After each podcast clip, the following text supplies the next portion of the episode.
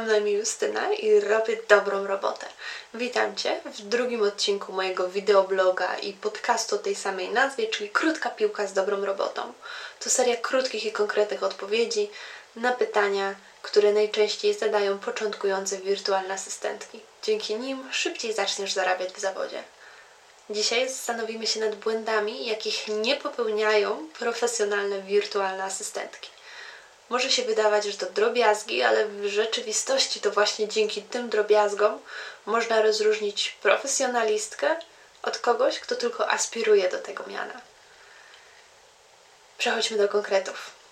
Pierwszy błąd, o jakim chciałabym porozmawiać, to zostawianie klienta bez informacji. To niedostarczenie mu wystarczającej ilości informacji, żeby on mógł dobrze zrozumieć, co się w tej chwili dzieje Profesjonalna wirtualna asystentka zawsze wyjaśnia klientowi, co robi i dlaczego to robi. Dzięki temu można uniknąć wielu nieporozumień i przy okazji też klient wie, że bierze udział w projekcie i jest większa szansa na to, że będzie zadowolony z efektów, bo będzie na bieżąco zorientowany z tym, co się dzieje. Czyli dzięki temu będzie mógł na bieżąco wpływać na wygląd projektu i będzie mógł w odpowiednim momencie zareagować, jeżeli coś będzie nie wyglądało tak, jakby tego oczekiwał. Czyli tutaj najprościej jest po prostu regularnie raportować postępy prac, pokazywać je. Można na przykład ustalić sobie, że raz w tygodniu lub raz na 2-3 dni klient będzie otrzymywał y, takie uaktualnienie wiadomości na temat postępu prac, że będzie poinformowany o tym, co już zrobiłaś, i co planujesz robić dalej w następnych godzinach, w następnych dniach. Dzięki temu on będzie miał doskonałe poczucie tego, że trzyma rękę na pulsie i że wie, co się dzieje i że wie też, za co płaci swojej asystentce. Tutaj też e, trzeba wspomnieć o klątwie wiedzy, która działa w obie strony, bo może ona dotykać i klienta, i asystentkę. A to wszystko prowadzi do e, po prostu nieporozumień bo jeżeli e, dla asystentki wszystko jest oczywiste i dla klienta wszystko jest oczywiste, to znaczy, że nie rozmawiałam ze sobą wystarczająco. I w takim wypadku może dojść do nieporozumienia, a finalny projekt będzie po prostu klapą. W takim wypadku najlepiej jest e, zrobić wszystko, co możliwe, żeby uniknąć tych nieporozumień i żeby unikać klątwy wiedzy. Oznacza to, że jako wirtualna asystentka powinnaś tłumaczyć swojemu klientowi nawet rzeczy, które uważasz za oczywiste, e, lub też powinnaś e, pytać, czy aby na pewno wszystko na tym etapie jest dla niego jasne i zrozumiałe. E, możesz też wpływać na to, jak dobrze rozumiesz to, co mówi do ciebie klient. Najprościej i, i najbardziej znaną metodą jest y, po prostu powtarzanie pytań klienta, powtarzanie jego, jego zleceń. Tak, jeżeli klient y, zleca Ci przygotowanie grafik do mediów społecznościowych, możesz zapytać, czy w takim razie chcesz, żebym zrobiła zdjęcia do, na Facebooka? I owszem, pytanie jest właściwie to samo. Czy bardzo podobne, ale jest użyte e, inne słownictwo i w tym wypadku klient ma szansę zareagować i powiedzieć Ci, że wcale nie chodziło o Facebooka, a chodziło o Instagram i że w sumie to nie chodziło o zdjęcia, a chodziło o przygotowanie infografik i tak dalej, i tak dalej. I w ten sposób, powtarzając jego pytanie innymi słowami, możesz łatwo uszczegółowić zlecenie i łatwo dowiedzieć się, o co tak właściwie chodziło w tej sytuacji może też się okazać, że y, dowiesz się tego, y, czy klient gdzieś się też nie pomylił. Bo przecież może się zdarzyć tak, że klient złoży zlecenie z rozpędu. Tak? Po prostu myślał gdzieś tam o czymś innym, równocześnie rozmawiał z tobą i coś nie do końca przekazał ci tak, jak sam chciał. I w tym momencie, zadając pytanie pomocnicze, możesz pomóc mu wpaść na to, że mm, kurczę, nie o to chodziło. To nie jest ten efekt, który chciałem osiągnąć. E, także klątwa wiedzy działa w dwie strony i trzeba być tego świadomym. Niestety, jako asystentka nie masz wpływu na to, czy Twój klient będzie unikał klątwy wiedzy i czy w ogóle wie o jej istnieniu. Dlatego też musisz zrobić wszystko, co w Twoich siłach, żeby samej nie wpaść w tą klątwę. E, drugi błąd, którego nie popełniałam profesjonalistki, to brak podpisanej umowy.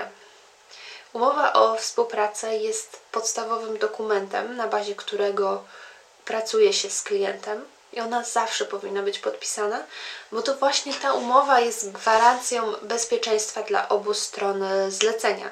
W umowie są zawarte takie informacje jak to, do kiedy praca zostanie wykonana, czy przysługują poprawki, czy też je nie przysługują, czy materiały dostarczy klient, czy też wszystko ma zrobić asystentka od zera. E, też e, opisany jest tam sposób płatności, sposób rozliczenia się, tak? Który powinien interesować obie strony. E, w takim wypadku podpisanie umowy jest właściwie koniecznością. Chyba, że chcesz mieć pecha i trafić na nieuczciwego klienta, który za pracę ci po prostu nie zapłaci. Równocześnie wiele zleceń wirtualnych asystentek jest na tyle mało e, kosztowne, że ściganie, e, że ściganie o odzyskanie należności może kosztować Cię więcej nerwów i więcej pieniędzy niż to, ile rzeczywiście odzyskasz pieniędzy. Więc najprościej jest po prostu podpisywać umowę. I profesjonalistki to robią, tak? Profesjonalistki nie współpracują nigdy po prostu na dobre słowo, zawsze podpisują umowę. I dla obu stron umowy, i wirtualnej asystentki, i e, zleceniodawcy, brak chęci podpisania umowy powinien być tym, co zapala czerwoną lampkę. Umowa jest ważna i po prostu powinno się ją podpisywać. Trzeci błąd, o jakim chciałabym dzisiaj e, Ci opowiedzieć, to zatrzymanie się we własnym rozwoju. Jak pewnie już widzisz, e, branża wirtualnych asystentek jest bardzo dynamiczna i bardzo intensywnie się rozwija. Zapotrzebowanie na usługi wirtualnych asystentek wciąż rośnie i najprawdopodobniej będzie rosło. Bo spójrzmy prawdzie w oczy. Sytuacja pandemiczna pokazała nam, że wirtualne asystentki są potrzebne, bo coraz więcej biznesów przenosi się do, ze świata rzeczywistego w online. Nie można się temu dziwić, bo okazało się, że online jest bardziej odporny na zagrożenia niż sklepy stacjonarne.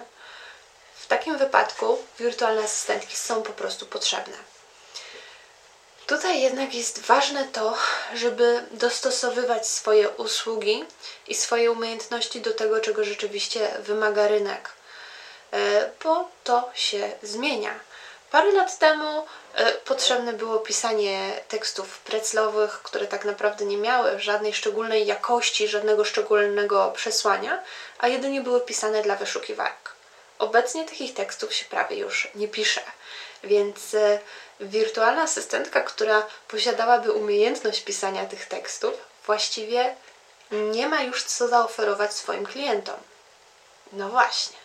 Dlatego bardzo ważny jest rozwój, jest obserwowanie tego, co się dzieje, tego, jakie tendencje są i czego warto się nauczyć, żeby być ciągle na bieżąco i żeby ciągle móc oferować swoim klientom to, czego najprawdopodobniej poszukują. Przykładem mogą też być podcasty, które kilka lat temu właściwie raczkowały, a obecnie są bardzo popularne. Więc te wirtualne asystentki, które już się nauczyły E, tego, jak montować filmy, jak pracować z dźwiękiem, e, jak publikować podcasty i te, które się dopiero tego uczą, już e, odpowiadają nowoczesnej i najnowszej potrzebie rynku. Być może jest więcej takich pól i obszarów, w których można się rozwijać po to, żeby wyprzedzić konkurencję i móc swoim klientom oferować jakąś bardzo ciekawą i równocześnie przyszłościową usługę. Tyle, że tutaj za wszystkim stoi rozwój. Nie można stwierdzić, hm, umiem już wszystko, czego chciałam, niczego więcej nie muszę się uczyć, teraz już tylko będę odcinać kupony od tego, czego się nauczyłam. To tak nie działa. W tej branży trzeba się rozwijać. Trzeba brać udział w kursach, trzeba brać udział w e, różnego rodzaju webinariach, spotkaniach, sympozjach, konferencjach. Trzeba być po prostu na bieżąco i trzeba aktywnie uczestniczyć w życiu branży po to, żeby właśnie móc e, śledzić najnowsze trendy i wiedzieć, w jakim kierunku warto się rozwijać. Oczywiście nie chodzi o to, żeby rozwijać się też we wszystkim. Chodzi o to, żeby rozwijać się w tych polach, które pasują do tego, jak, jakie masz wyobrażenie własnego biznesu. Bo jeżeli wiesz, że nie będziesz e, nigdy w życiu robiła podcastów i nie będziesz pracowała przy nich, bo Twoją mocną stroną jest tworzenie tekstów pisanych, no to nie ma sensu, żebyś szła w tym kierunku, ale za to powinnaś rozwijać się w kierunku pisania coraz lepszych tekstów i w kierunku rozwijania tych umiejętności, na których Ci najbardziej zależy. W takim razie umówiliśmy sobie trzy najważniejsze błędy wirtualnych asystentek, których profesjonalistki nie popełniają, czyli zostawianie klienta bez informacji, brak podpisywania umowy i zatrzymanie się we własnym rozwoju. W następnym spotkaniu będziemy rozmawiać e, o tym, czy każdy może zostać wirtualną asystentką. Dziękuję, że byłaś ze mną do końca i do usłyszenia.